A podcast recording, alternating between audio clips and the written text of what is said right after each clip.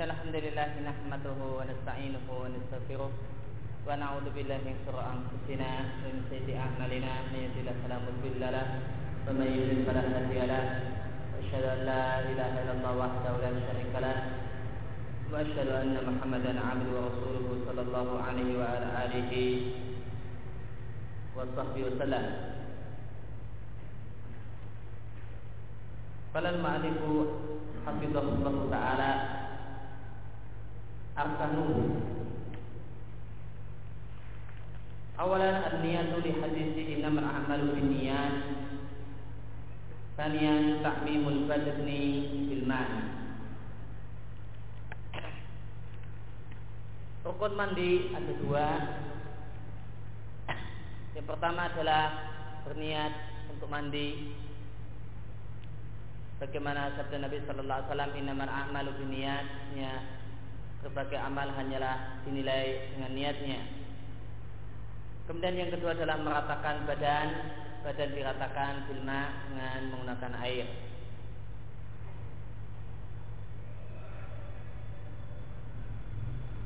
Kemudian yang berikutnya adalah sifat e, sifatuhu al mustahabatu tata cara mandi yang dianjurkan. An Aisyah radhiyallahu anha qalat kana Rasulullah sallallahu alaihi wasallam idza ightasala min al-janabati yabda'u fayarsilu yadayhi thumma yabruhu biyaminihi ala shimalihi fayarsilu farjahu thumma yatawaddau wudu'ahu lis-salati thumma ya'khudhu al-ma'a fayudkhilu asabi'ahu fi usuli sya'ri hatta idza ra'a an qad an qad hafana ala ra'sihi salasa hafanatin thumma afadha ala sa'iri jasadihi thumma ghasala yadayhi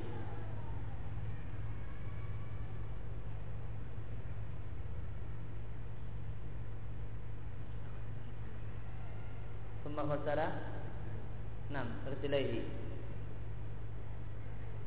dari Aisyah radhiallahu anha beliau mengatakan adalah kebiasaan Rasulullah sallallahu alaihi wasallam jika beliau hendak mandi junub.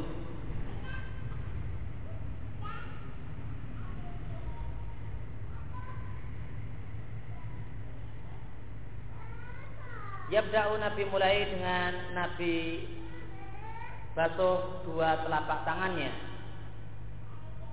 Kemudian beliau tuangkan air dengan menggunakan tangan kanan. Beliau tuangkan air pada tangan kiri. Setelah itu bayar sulu farjahu dengan tangan kiri beliau gunakan untuk membersihkan kemaluannya. Setelah itu beliau berwudu sebagaimana wudu hendak mengerjakan sholat. Artinya sampai kaki. Karena wudhu yang sampai kaki itulah wudhu untuk mengerjakan sholat. Kemudian Nabi Shallallahu Alaihi Wasallam mengambil air, lalu beliau masukkan jari-jarinya ke dasar-dasar rambut. Usul syari itu maksudnya dasar-dasar rambut. Artinya air itu sampai dan membasahi kulit kepala.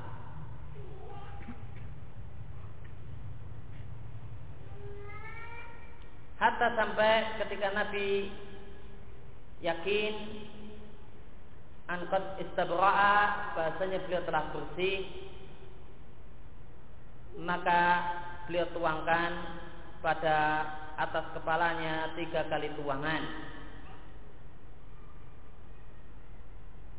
Tuma afadha kemudian beliau ratakan ala sairi jasadihi anggota badan yang lain. Sair di sini maknanya baqiyah, sisa. Sair jasadi artinya sisa anggota badan yang lain yang belum terkena air. Sair dalam bahasa Arab memiliki dua pengertian. Bisa maknanya jami' dan yang kedua maknanya adalah baqiyah.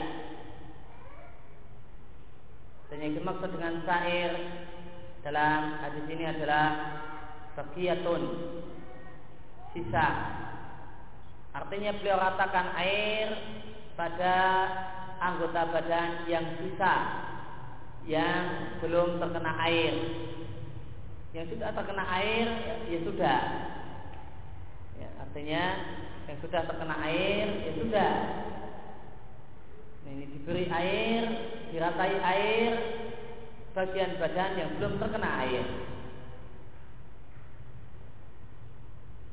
Setelah semua badan terkena air, summa ghasala rijlaihi, kemudian Nabi basuh dua kakinya. Ya, beliau beliau agak menjauh dari tempat mandi, kemudian membasuh dua kakinya.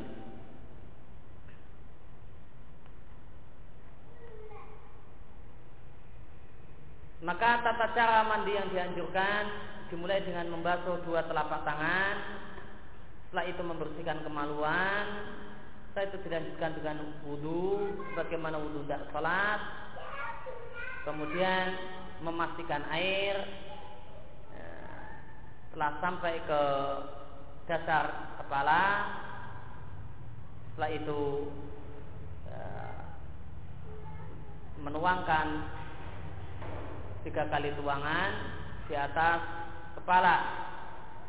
Setelah itu membasuh anggota badan yang belum terkena air. Dengan itu maka selesailah tata cara mandi yang dianjurkan. Maka kalau diringkas hakikatnya tata cara mandi yang dianjurkan dalam membersihkan tangan, ya, kemudian istinja, ya, atau hakikatnya adalah istinja, wudhu, kemudian meratakan badan ke seluruh air, ke seluruh badan. Sejak dalam artian membersihkan kemaluan dan wudhu, kemudian meratakan air ke seluruh badan. Fa'idatun la yajibu 'alal mar'ati naqdu sya'riha fil ghusli minal janabati wa yalzamuha dzalika fil ghusli minal haidbi.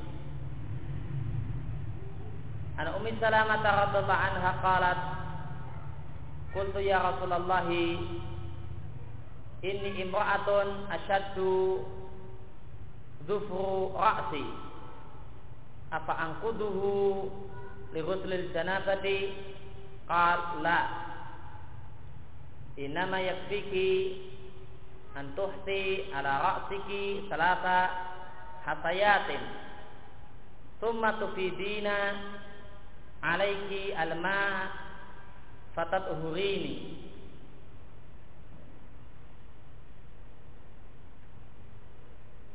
Catatan tidaklah wajib bagi seorang perempuan untuk mengurai rambutnya pada saat mandi junub. Wayalzamuha namun wajib bagi si perempuan zalika itu mengurai rambut ketika mandi haid. Di antara hikmahnya adalah karena mandi junub boleh jadi berulang. Sehari itu bisa beberapa kali terutama untuk pengantin baru. Maka jika setiap kali mandi harus diurai rambut kepalanya tentu ini menyusahkan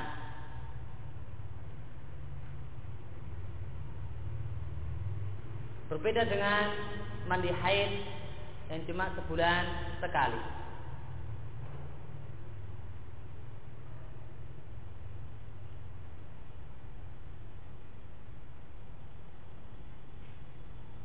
Nah, atau sebelumnya janabah itu diambil dari kata-kata janbun artinya jauh. Kenapa junub itu disebut junub yang artinya jauh? Ada yang menjelaskan karena air mani menjauh darinya. Artinya air mani keluar menjauh meninggalkan dirinya. Ada juga yang menjelaskan karena umumnya orang yang junub itu menjauh dari orang lain. Nggak enak, sungkan kalau dekat-dekat dengan orang dalam keadaan junub. Oleh karena itu maka junub disebut dengan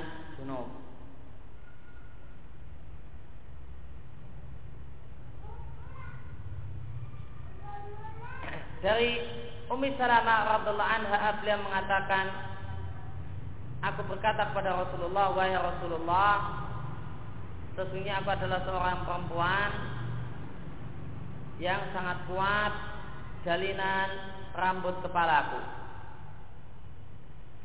Apa angkuduhu Apakah aku harus Menguraikan jalinan rambut kepalaku Ketika hendak mandi junub maka Nabi mengatakan tidak perlu. Ketika mandi junub, inna yakfiki cukuplah bagimu untuk engkau tuangkan pada kepalamu tiga kali tuangan. Sumatu fidin, kemudian engkau ratakan air pada badanmu, maka engkau telah bersih.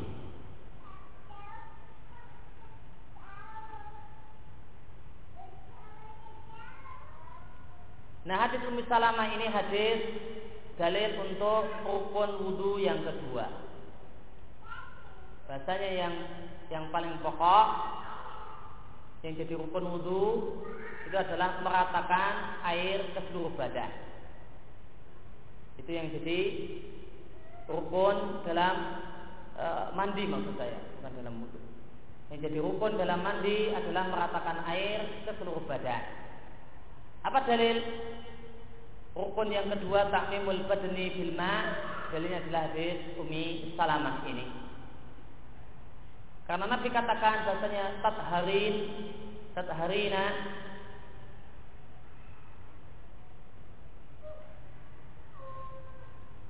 Tadharini engkau telah dinilai suci Kapan?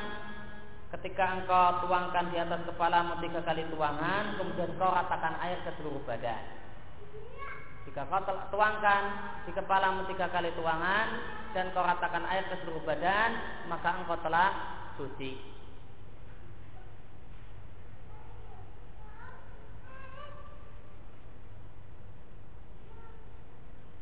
Maka berdasarkan Ummu Salamah ini, maka tata cara mandinya Nabi ada istinja, ada wudhu, itu bukan keharusan itu bukan sebuah keharusan. Namun yang menjadi keharusan adalah ratanya air ke seluruh badan.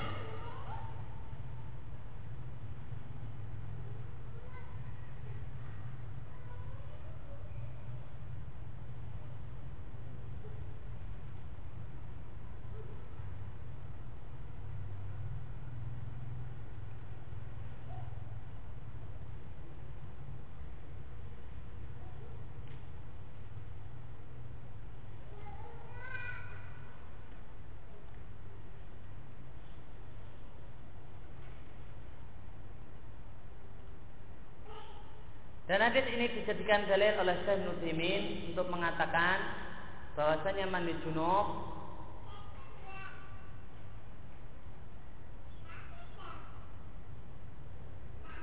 itu bukanlah satu amal yang mustakil, amal yang berdiri sendiri.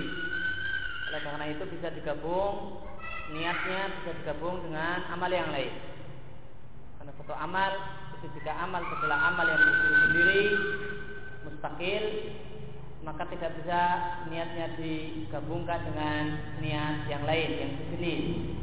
Akan tapi jika dia tidak berdiri sendiri maka bisa digabungkan niatnya dengan yang lain yang sejenis.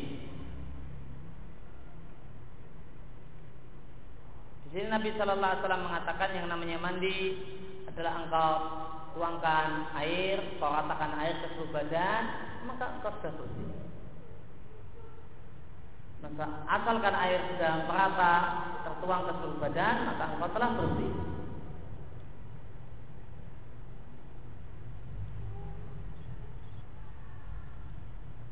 Kemudian hadis berikutnya dari Aisyah radhiallahu anha uh, an Aisyah radhiallahu anha anak Asma sa'alat Nabiya sallallahu alaihi wasallam an husnul mahidhi. Faqala ta'khudhu ihdakunna ma'aha wa sidrataha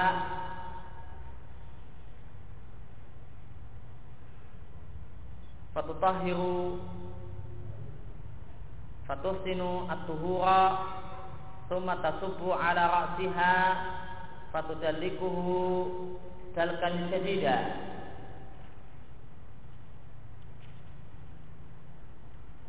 Asma bertanya kepada Nabi Shallallahu Alaihi Wasallam tentang tata, tata cara mandi haid, mandi setelah selesai haid. Maka Nabi katakan, hendaklah salah satu dari kalian para perempuan yang telah selesai berhaid mengambil air yang dicampur dengan sidir yang dicampur dengan pohon sidir atau daun sidir lalu hendaklah dia membersihkan diri. Lalu dia bersihkan dirinya dengan sebaik-baiknya. Kemudian dia tuangkan di atas kepalanya air. Lalu dia dalap. Dia gosok kepalanya dengan gosokan yang kuat hatta tablugha suuna ra'siha sehingga air itu sampai ke dasar kepalanya. Tsumma tasufu 'alaiha ma'a Kemudian adalah dia tuangkan air pada dirinya. Tsumma ta'khudhu fursatan mumassakatan fatutahhiru biha dan adalah dia ambil sepotong kain mumasakatan yang sudah diberi miskin yang diberi miskun. Fatutahiru biha lalu adalah dia bersuci dengannya. Maka berkatalah Asma kaifa tutahiru biha? Bagaimanakah cara bersuci dengan kain yang telah diberi minyak misek atau kasturi tersebut. Maka Nabi Shallallahu Alaihi Wasallam mengatakan Subhanallah tatahari biha. Ya bersihkan pakai itu. Bersihkanlah dengannya. Fakalat Aisyah tu ka'annaha takfa dalika tatabba'ina biha atarat dami lalu Aisyah berkata kepada Asma ka'annaha karena seakan-akan Asma takfa dalika tidak tahu apa yang Nabi maksudkan. Maka Aisyah menjelaskan kepada Asma tataba'ina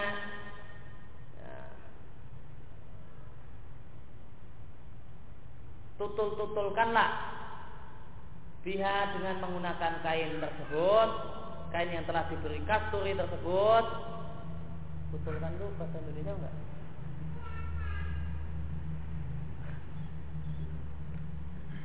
apa bahasa Indonesia ya?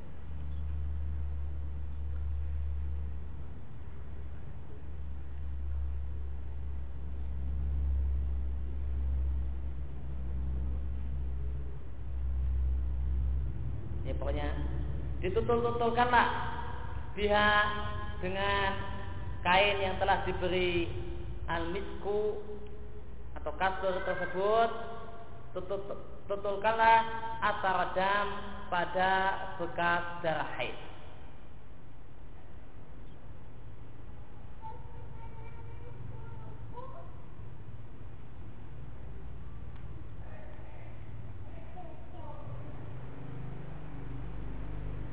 Maka berkaitan dengan tata cara mandi haid Nabi menjelaskan adalah ambil air campur dengan sidr. Maka di sini dalil bahasanya air yang kecampuran benda suci itu tidaklah mengubah statusnya sebagai air yang tohu. Oleh karena itu air yang digunakan untuk bersuci adalah air yang bercampur dengan sidir dan sidir adalah benda suci. Maka pendapat yang paling kuat jika air itu kemasukan benda yang suci dan tidak menghilangkan kemutlakannya, maka dia adalah air yang tahur, air yang suci dan mensucikan.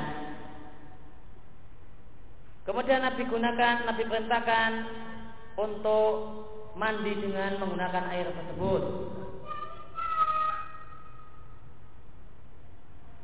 Tatahur dalam hadis ini maknanya mandi.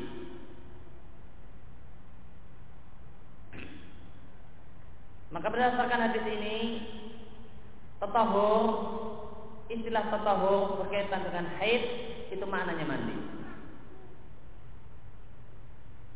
Tatahur, istilah tatahur jika dikaitkan dengan haid maka maknanya adalah mandi. Aslinya tatahur maknanya bersuci. Aslinya filugha dalam bahasa Arab tatahur maknanya bersuci. Akan tapi jika istilah tatahur itu dikaitkan dengan haid maka maknanya adalah ya, maknanya secara istilah, maknanya secara syar'i adalah mandi. Kemudian berkaitan dengan rambut kepala, Nabi perintahkan supaya dalak dengan dalak yang kuat. Kemarin ketika di bab wudhu telah kita bahas bahasanya yang dimaksud dengan dalak itu bukan menggosok-gosok akan ada apa? Hah?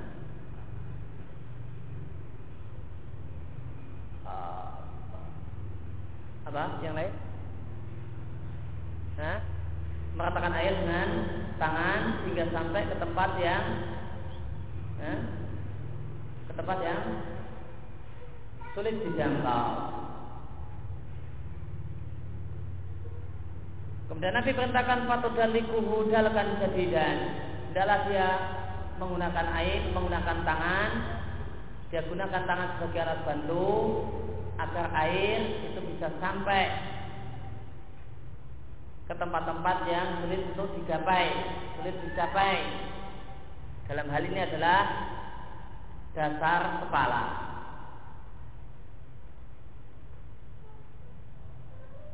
Hatta tablugha suuna ra'siha sehingga sampai ke dasar kepala.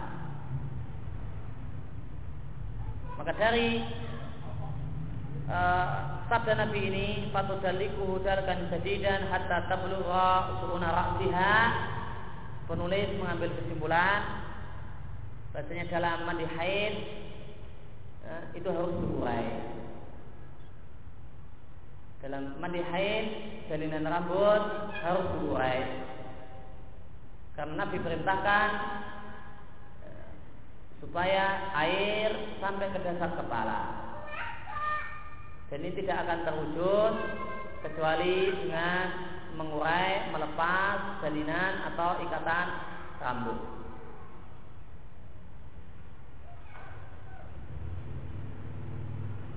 Kemudian berkaitan dengan mandi haid, ada salah satu sunnah Nabi Shallallahu Alaihi Wasallam yang ditinggalkan oleh banyak kaum muslimah, yaitu setelah selesai mandi haid, dalam mengambil kain atau kapas. Yang kain atau kapas ini diberi ya, misat diberi kasturi dengan cukup dengan jumlah yang cukup banyak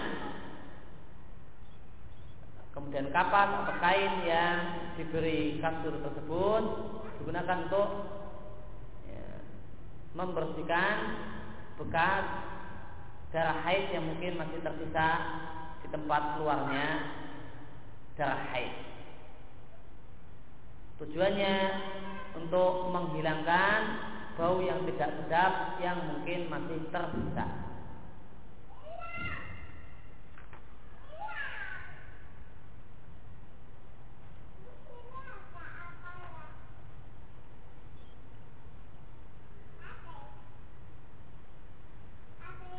Wa sa'altuhu an ghuslil janabati faqal ta'khudhu ma'an fatutahhiru fatuhsil tuhura au eh, tablughu uh, at-tuhura thumma tasubbu ala ra'siha fatudallikuhu hatta tablugha su'una ra'siha thumma tufidu thumma tufidu 'alaiha al-ma'a Kemudian aku bertanya kepada Nabi tentang mandi junub, maka Nabi katakan, adalah seorang perempuan itu mengambil air, lalu dia mandi dengannya, dan adalah dia mandi dengan sebaik-baiknya. Atau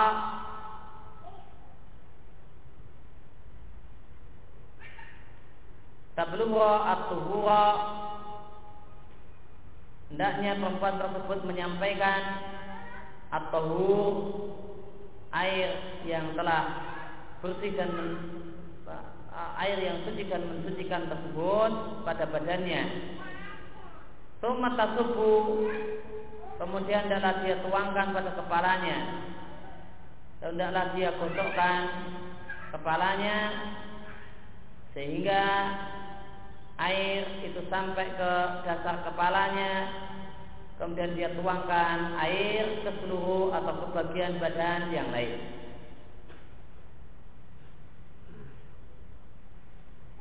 Nah untuk mandi haid Nabi mengatakan fatu dalikuhu dalkan sadida.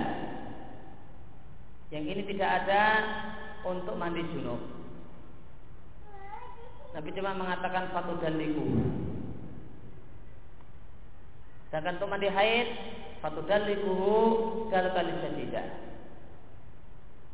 Fahadal hadis sarihun fit baina ghuslil mar'ati minal mahidi wa ghusliha minal janabati. Haitu akada alal haidhi an tubaligha fi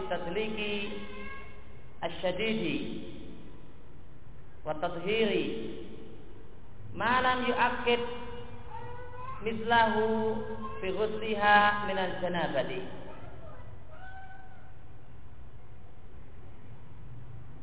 kama anna hadis Ummi Salamah dalilun ala adam wujubin naqdi min ghusliha min al-janabati Dalam hadis ini terdapat sarihun kalimat yang tegas. Fitafrik membedakan antara mandinya seorang perempuan dari haid dan mandinya perempuan dari junub. Di mana Nabi menekankan kepada wanita yang haid atau selesai haid untuk bersungguh-sungguh dalam menggosok dengan gosokan yang kuat dan sungguh-sungguh dalam tathir, dalam membersihkan, dalam mandi. Satu pernyataan, satu penegasan yang tidak Nabi berikan untuk mandinya seorang perempuan dari junub.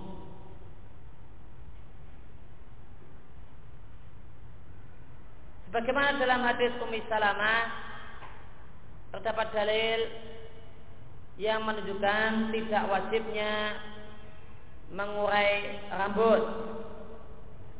Virus liha ketika seorang perempuan mandi karena junub.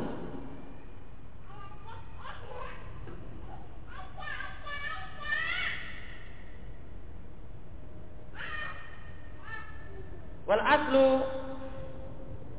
nafdu sya'ri litayakuni wusulil ma'i ila ma tahtahu. Illa annahu afiya anhu fi ghaslil janabati litakarrurihi wa wuqa'il masyaqqati syadidati fi naqdihi. Bi khilafi ghuslil haidhi fa innahu fi syahri marratan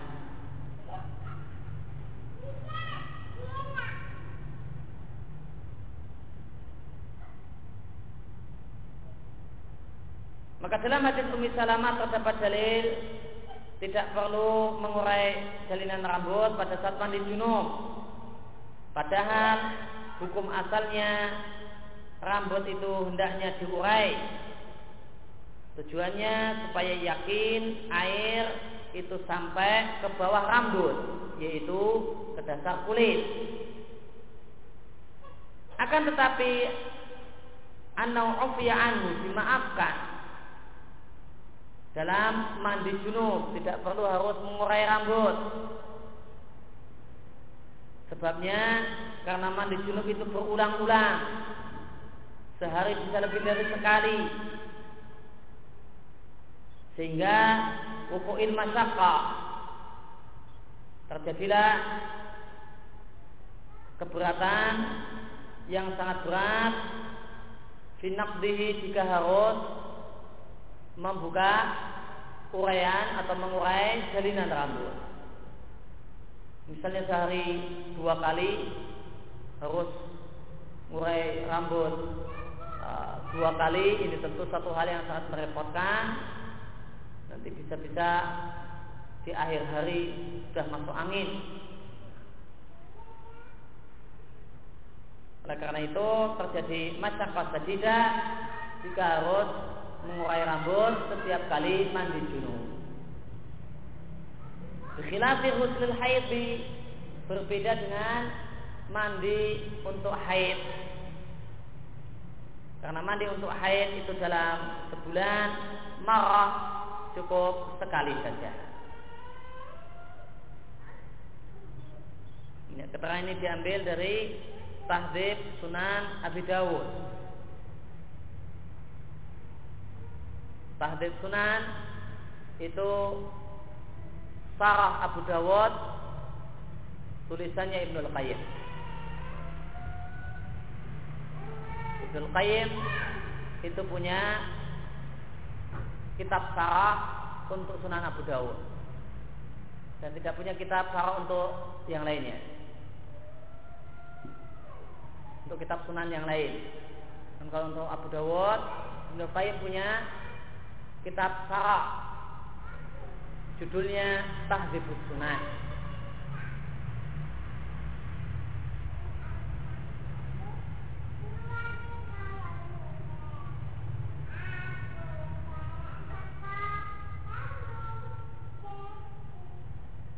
Kemudian faedah catatan tambahan yang kedua. Ya li zaujaini tasila ma'an di makanin wahidin. Yang duru kulun minhuma ila awati sahibihi. Dibolehkan bagi suami istri untuk mandi bareng di makanin wahid di satu tempat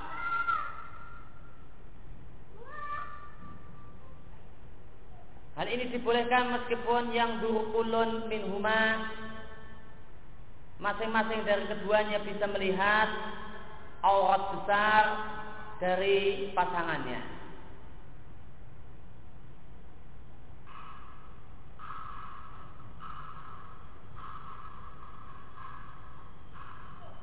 Dalilnya adalah perkataan Aisyah radhiallahu anha, "Kuntu artasilu ana wa Rasulullah sallallahu alaihi wasallam min ina'in wahidin wa nahnu junubani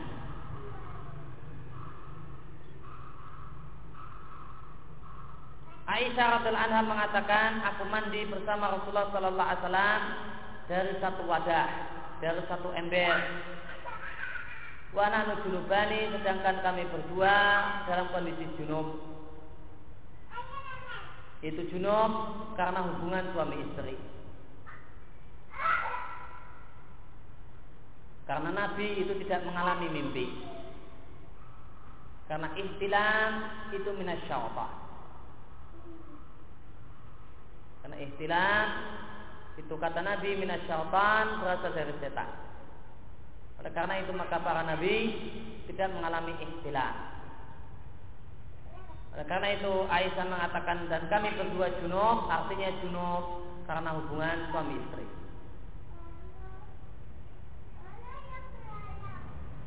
Maka di sini dalil bolehnya suami istri mandi berdua di satu tempat. Meskipun yang satu melihat aurat besar yang lain. Sehingga di sini dalil tidak ada aurat antara suami istri.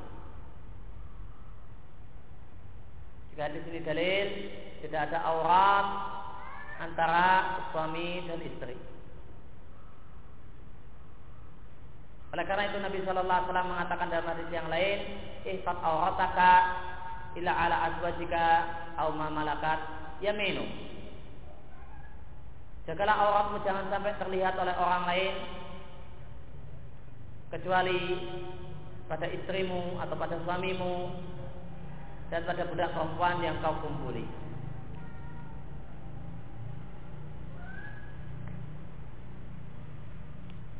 Adapun hadis yang mencela seorang suami melihat aurat istrinya atau sebaliknya, maka hadisnya adalah hadis yang baik.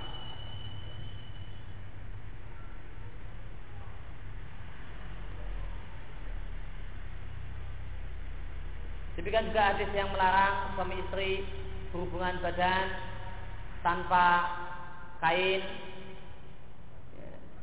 juga hadis yang lemah bagaimana katakan Al-Albani di ada bersifat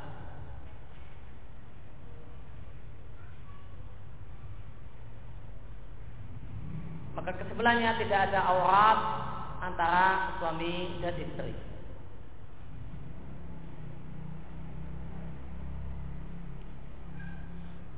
Kemudian al-irtisalu al-mustahabbatu mandi-mandi yang hukumnya dianjurkan.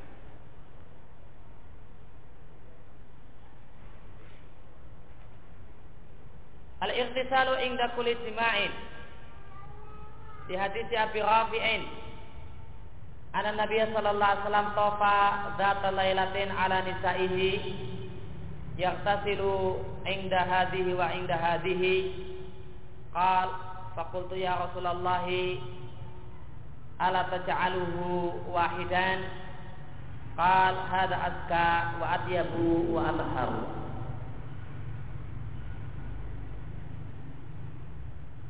mandi setiap kali hendak berhubungan suami istri.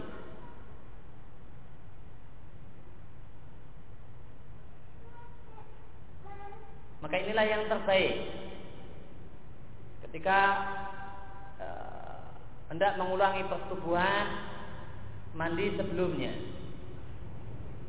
Meskipun uh, kalau tidak maka dianjurkan untuk berwudu sebelumnya sebagaimana dalam bahasan yang lewat yaitu uh, dalam bahasan wudhu-wudhu yang dianjurkan. Salah satunya adalah berwudhu ketika hendak mengulangi hubungan badan atau hubungan suami istri. Dan berdasarkan hadis ini ada yang lebih afdal dari sekedar wudhu yaitu mandi lagi. Mandi ketika hendak hubungan badan. Dalilnya dari Abu Rafi dia mengatakan punya Nabi Shallallahu Alaihi Wasallam mengelilingi pada satu malam semua istri-istrinya.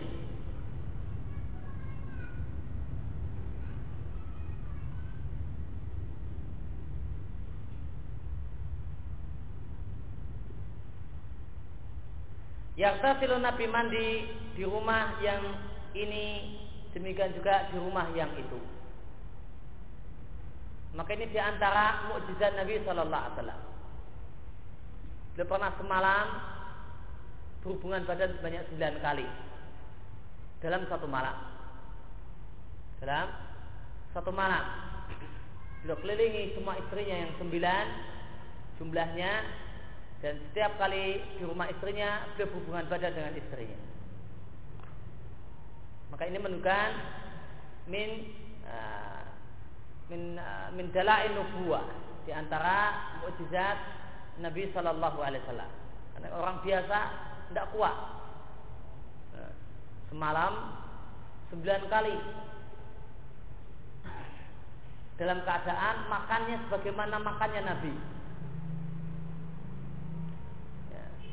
Ya. Maka ini adalah satu hal yang di luar kemampuan manusia biasa. Makannya sebagaimana makannya Nabi, cuma sederhana, kurma, pakai air atau gandum.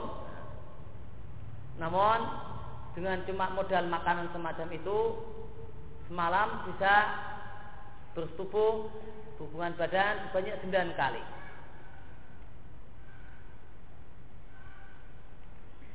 Maka hadis ini di antara mukjizat Nabi Shallallahu Alaihi Wasallam.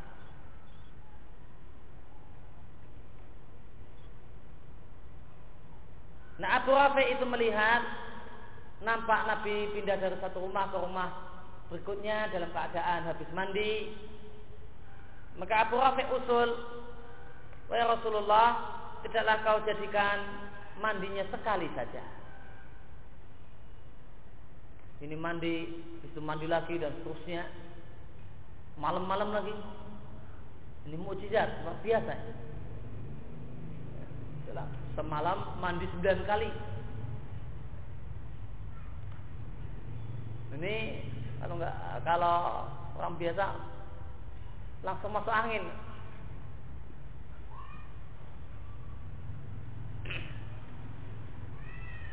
Maka Rafi usul wahai Nabi Kenapakah tidak sekali saja mandinya untuk sembilan istri?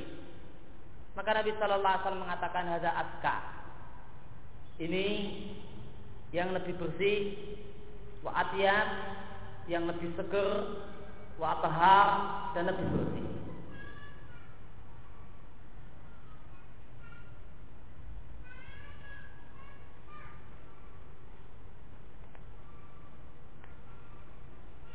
Maka dari hadis ini nah, terdapat anjuran di antara mandi yang dianjurkan adalah mandi setiap kali hendak berhubungan suami istri.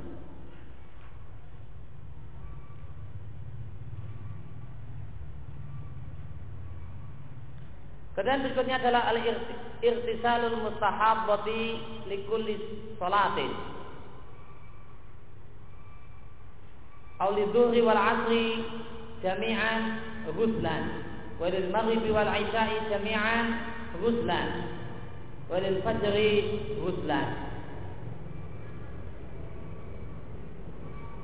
Mandinya wanita yang mengalami istihadah setiap kali hendak salat atau duhur dengan asar pidana sehingga mandinya sekali. Dan maghrib dan isya pidana mandinya sekali. Kemudian sholat subuh mandi sekali.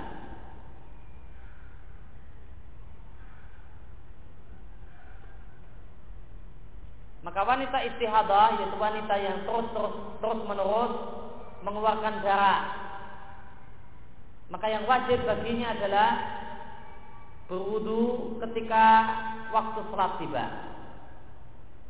Ketika hendak ketika waktu sholat tiba dia berwudu untuk mengerjakan sholat. Ini yang wajib. Namun ada satu hal yang dianjurkan yaitu mandi setiap kali tidak sholat. Mau sholat duhur mandi dulu kemudian baru sholat. Mau sholat asar mandi dulu baru sholat dan seterusnya. Sehingga mandi banyak lima kali. Ini boleh, tidak wajib. Wajibnya adalah wudhu ketika setiap kali tidak sholat pada saat waktu sholat telah tiba. Ini wajib. Akan tetapi seandainya dia mau berwudu setiap kali sholat, maka hukumnya boleh. Atau boleh juga wanita istihadah ini mengambil rukhsah yaitu jamaah. Wanita istihadah di antara rukhsah, di antara udur yang menyebabkan orang itu boleh adalah wanita istihadah. Duhur asar, dia sholat di waktu duhur misalnya, di waktu asar, kemudian dia mandi, setelah itu sholat duhur dan asar. Demikian sehingga mandinya sebanyak tiga kali. Dalilnya dari Aisyah radhiallahu anha, kalau Aisyah mengatakan Inna ummi Habibata tustuhidat bi ahdi Rasulullah sallallahu alaihi wasallam. Ya Ummu Habibah itu mengalami istihadah di masa Rasulullah sallallahu alaihi wasallam. Maka Rasul memerintahkannya untuk mandi setiap kali sholat. Wa fi riwayatin anha ustuhidat imra'atun ala ahdi Rasulillah sallallahu alaihi wasallam fa umirat an tu'addil al-'asra wa tu'akhir adh-dhuhra wa taghtasilu lahuma ghuslan wahida. Wa tu'akhir al-maghriba wa tu'addilu al-'isha'a wa taghtasilu lahuma ghuslan. Wa taghtasilu li salati subhi ghuslan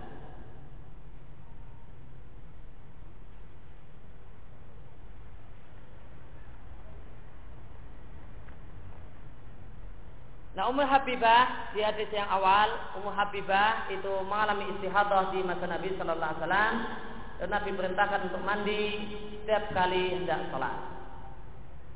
Berkaitan dengan riwayat Nabi memerintahkan Ummu Habibah untuk mandi setiap kali hendak sholat. Ini riwayatnya diperselisihkan kesahihannya. Penulis memilih pendapat mengambil pendapatnya Al Albani yang mengatakan riwayatnya sahih. Tetapi yang dipilih oleh banyak para ulama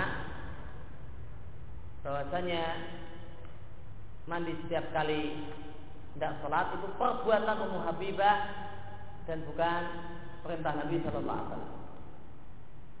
Bukan makhluk sebagai perintah Nabi Shallallahu Alaihi Wasallam, namun itu adalah perbuatan Habibah yang tidak dilarang oleh Nabi Shallallahu Alaihi Wasallam.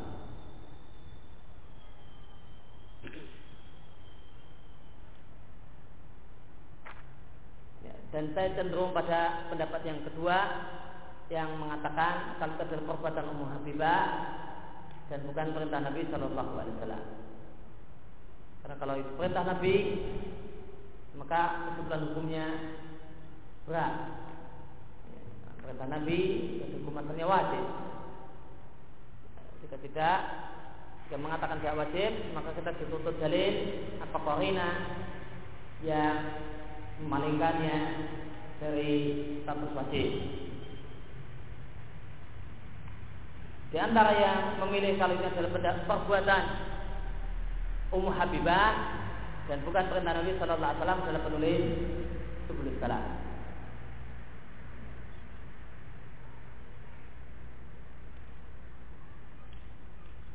Kemudian wafir riwayatin anha dalam salah satu riwayat dari Aisyah dan disebutkan ada seorang perempuan yang mengalami istihadah di masa Rasulullah Sallallahu Alaihi Wasallam.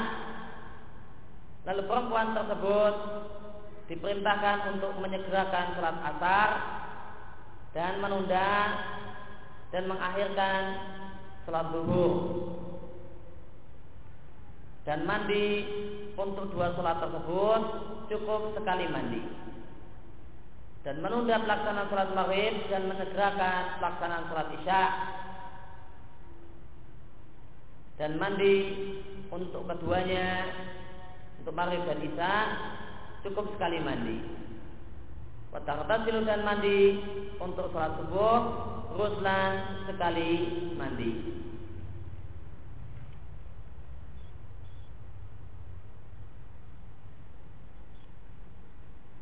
Tentang apa yang dimaksud tu'adilul asra wa tu'akhiru zuhra Sebagian ulama mengatakan yang dimaksud adalah jam'u suri yang dimaksud adalah jam suri. Jamak namun suri kelihatannya jamak pada tidak jamak. Bagian menjelaskan bahasa yang dimaksud tu'adilul asra artinya adalah sholat asar dilaksanakan di awal waktunya. Waktu akhir duha dan mengakhirkan duhur artinya duhur itu dipepetkan di akhir waktu duhur Sehingga jika dilihat sekilas begitu selesai sholat duhur langsung sholat asar nampaknya jamak padahal tidak jamak. Karena duhurnya di akhir duhur, begitu duhur selesai asar tiba. Duhur selesai asar tiba kemudian sholat asar di awal waktu asar. Sehingga hakikatnya adalah tidak jamak. Ini jamak model semacam ini itu dalam fikih disebut dengan jam usuli. Ya, sebagian ulama mengatakan bahasanya yang dimaksud dengan ini tepat uh, tu'ajilul asra wa tu'akhir zuhra maknanya adalah jam usuli.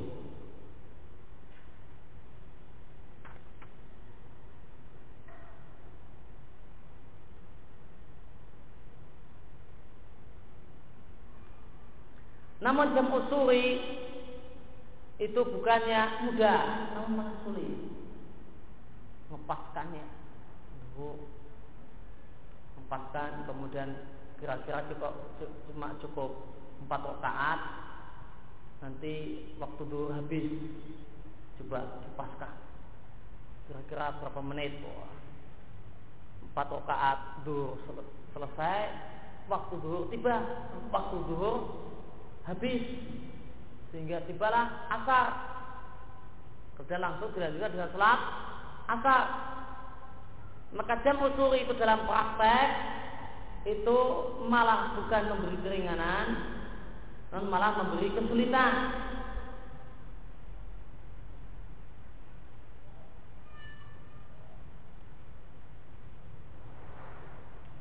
Oleh karena itu, Allah Ta'ala a'lam pendapat yang lebih tepat dan maksud dari hal ini adalah memberikan keringanan.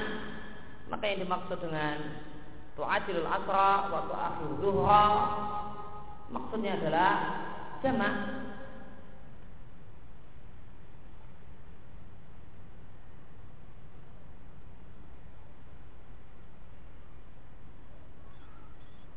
Dengan bentuk bisa jamak takdim.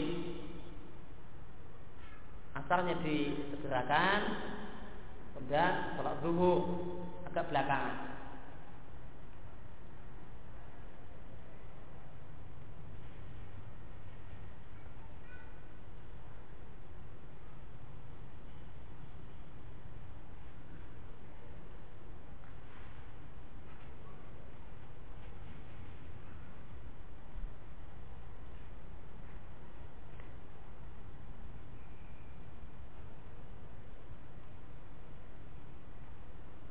Kemudian al ikhtisalu ba'dal irma'i. Di antara mandi yang dianjurkan adalah mandi setelah pingsan. Setelah orang itu sadar dari pingsan, dianjurkan untuk mandi. Dalilnya dari Aisyah radhiallahu anha Aisyah mengatakan sakula Rasulullah sallallahu alaihi wasallam Rasulullah sakit berat. Kemudian Rasul bertanya, "Asalan nasu, apakah para sahabat manusia sudah mengerjakan sholat?" Fakulna la hum yang tadiruna kaya Rasulullah. Kami katakan orang-orang pada belum sholat, mereka menunggumu wahai Rasulullah. Maka Nabi mengatakan, Da'uli ma'an fil mar, uh,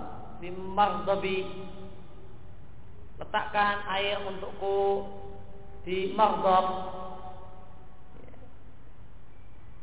jadi uh, di kamarnya Aisyah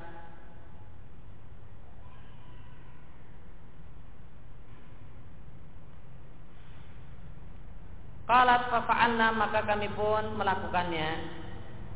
Faktasala lalu Nabi mandi Tumma dhahaba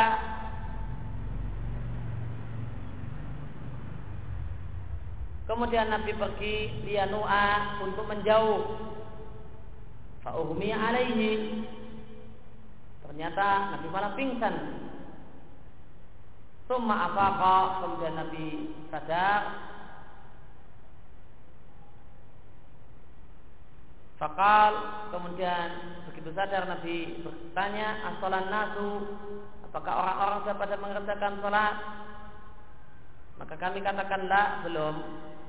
Hum yang tadhirunaka ya Rasulullah Wahai Rasulullah mereka menunggu-nunggu dirimu. Maka Nabi katakan Da'uli ma'an fil mardabi. Letakkan air Untukku Di mardab Di Bagian uh, Rumah Aisyah Di bagian Kamar Atau salah satu bagian Di kamar Aisyah Qalat fafa'alna lalu kami melakukannya. Fartasala lalu Nabi mandi. Tumma dhahaba liyanu'a dan Nabi pergi untuk menjauh fa'umya alaih. Dan Nabi pingsan kembali. Tumma afaqa kemudian Nabi sadar. Begitu sadar Nabi bertanya, asalan nasu apakah orang-orang kepada sholat? Kami katakan la hum yang tadhirunaka ya Rasulullah belum mereka menunggu-menunggumu wahai Rasulullah. Fatakarat irsalahu ila Abi Bakrin wa tamamal hadis. Dan Aisyah menyebutkan Nabi mengutus seseorang untuk menemui Abu Bakar agar Abu Bakar jadi imam salat wa tamamal hadis. Kemudian Aisyah menyebutkan hadis sampai selesai. Maka Nabi Shallallahu Alaihi Wasallam mandi setelah pingsan saja tiga kali. Ini menunjukkan takut muakatnya hal ini. Sampai-sampai Nabi tidak mencukupkan diri dengan mandi yang pertama setelah sadar dari pingsan dan begitu sadar kembali Nabi mandi kembali demikian sampai tiga kali.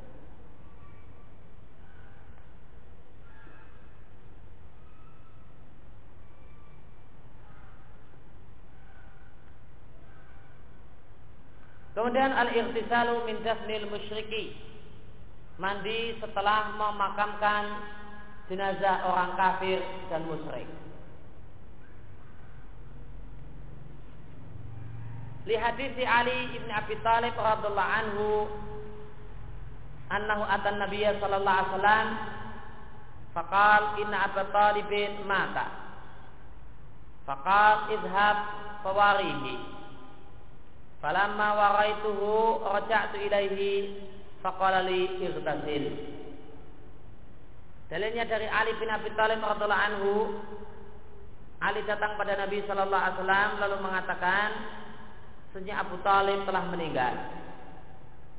Maka Nabi katakan, pergilah sana, makamkan ayahmu. Maka makamkanlah dia. Maka setelah aku memakamkannya, Roja'tu ilaih. Aku kembali menemui Nabi. Lalu Nabi berkata kepadaku, irtasil mandilah.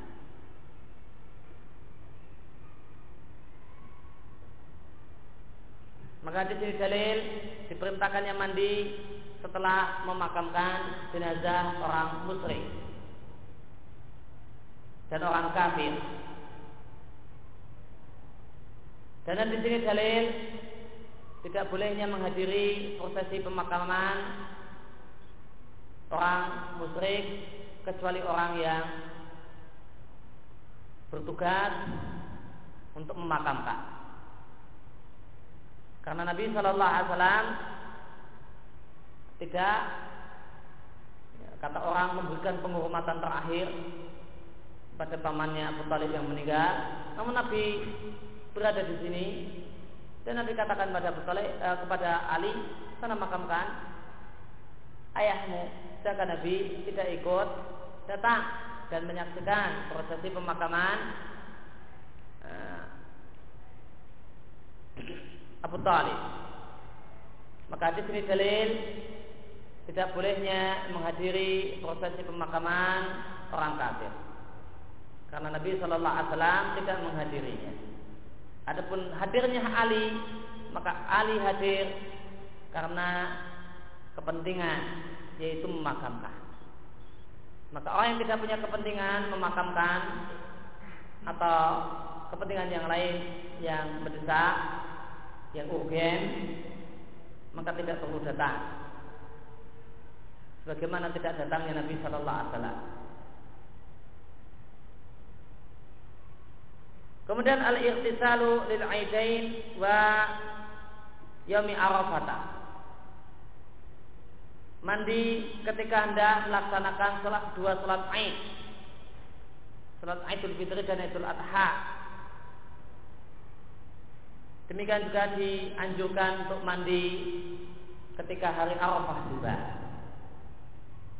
Maka pagi hari Arafah dianjurkan mandi.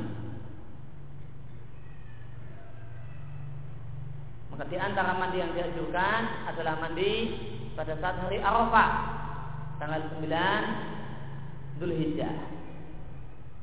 Satu hal yang jarang dikerjakan dan dipraktekkan oleh kaum muslimin. Diatkan oleh Bayaki dari jalurnya Syafi'i dari Zazan dia mengatakan ada sa'ala rajulun aliyan radhiyallahu anhu anil husli ada seseorang yang bertanya pada Ali bin Abi Thalib tentang masalah mandi. Maka Ali mengatakan irtasil kula yaumin in syita. Mandilah sehari sekali jika kau mau. Fakal maka orang tersebut berkata, la bukan itu yang aku tanyakan. Al ghuslu alladhi wal ghuslu.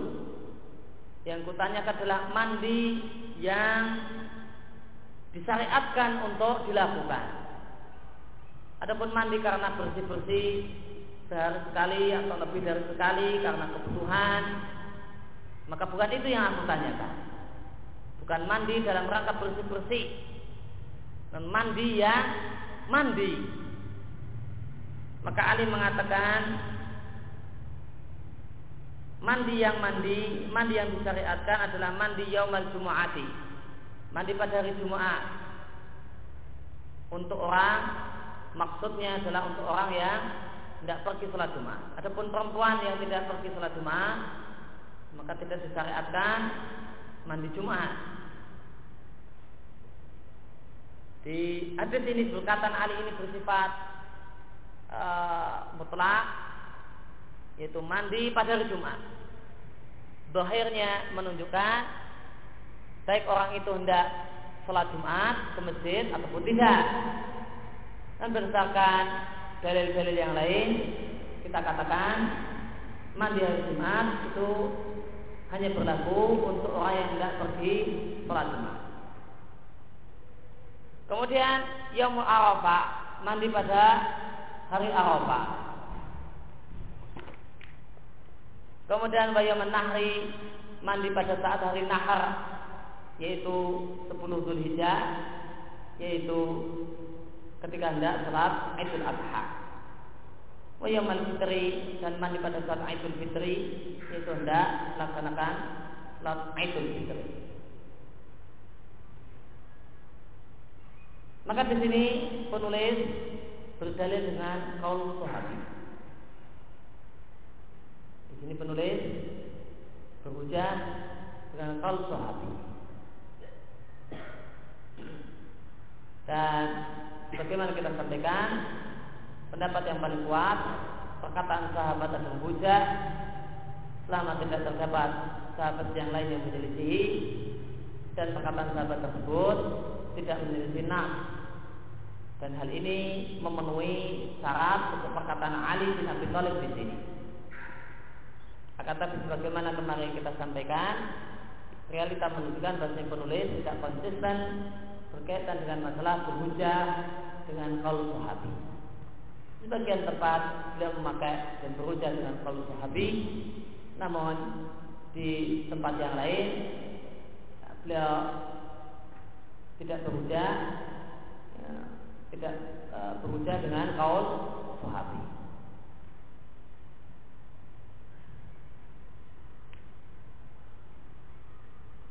Kemudian al-ghuslu min ghuslil mayyiti. Mandi yang anjuran yang keenam adalah mandi dikarenakan memandikan mayit. Yaitu sabda Nabi sallallahu alaihi wasallam, "Man ghassala mayitan falyaghtasil." Siapa yang memandikan mayit, maka hendaklah dia mandi.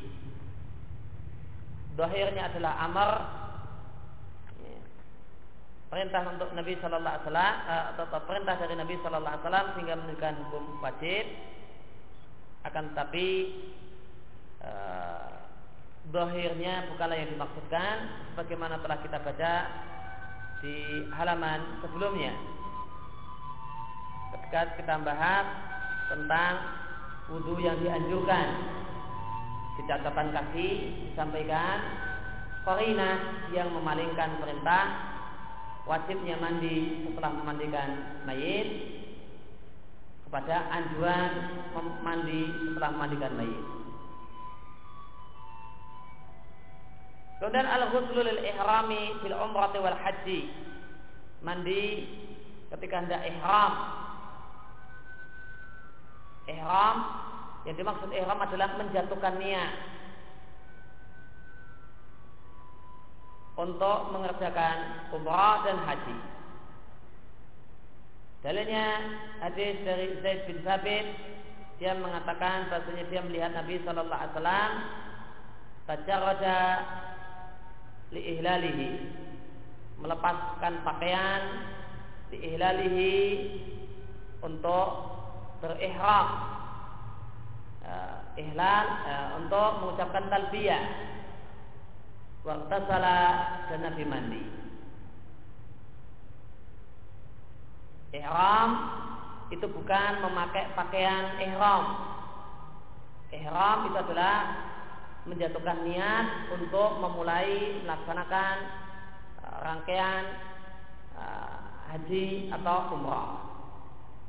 Karena niat itu ada dua macam, niatul fi'li dan niat ad-dukhul fi'li.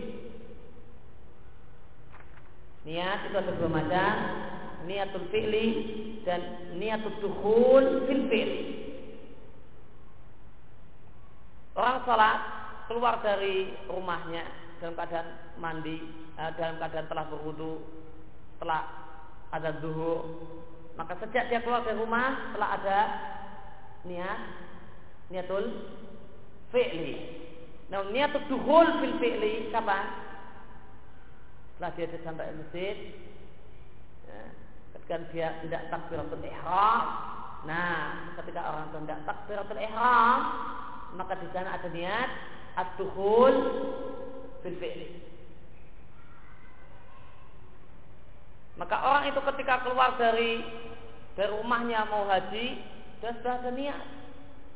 Namun baru niatul hajj bukan niat ad-dukhul fil hajj nah, nanti nanti setelah sampai miqat nah, maka di sana baru ada niat dukhul fil hajj nah itu yang disebut dengan ihram. Ya, ketika itu sebelum itu dianjurkan untuk mandi dan setelah dan niat untuk uh, ihram ini ditandai dengan mengucapkan talbiyah atau ihlal.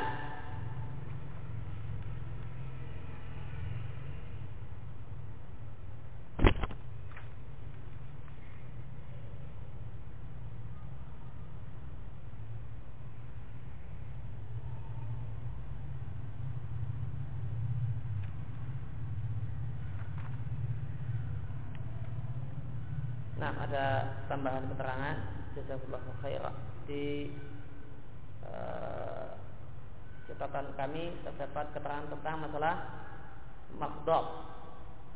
Makdob adalah al-ina alladhi yursalu fihi atiyab min ayi jinsin kana. Makdob adalah wadah yang digunakan untuk membersihkan kain dari jenis apa pun di cetakan yang baru. Ya. Nah.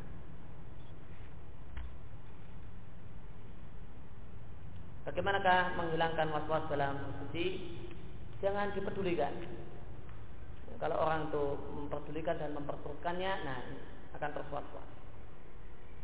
Apakah ada kemungkinan madi bercampur dengan mani ketika junub sehingga menyebabkan tubuh kita atau pakaian kita terkena najis dan perlu dibersihkan dengan air? Mungkin saja madi bercampur dengan mani. Maka siapa yang mengalami demikian ya maka ada padanya ketentuan mati dan ketentuan mani. Demikian sallallahu ala nabiyina Muhammad wa ala alihi wa sallam wa alhamdulillah alamin subhanaka wa bihamdika asyhadu an la ilaha illa anta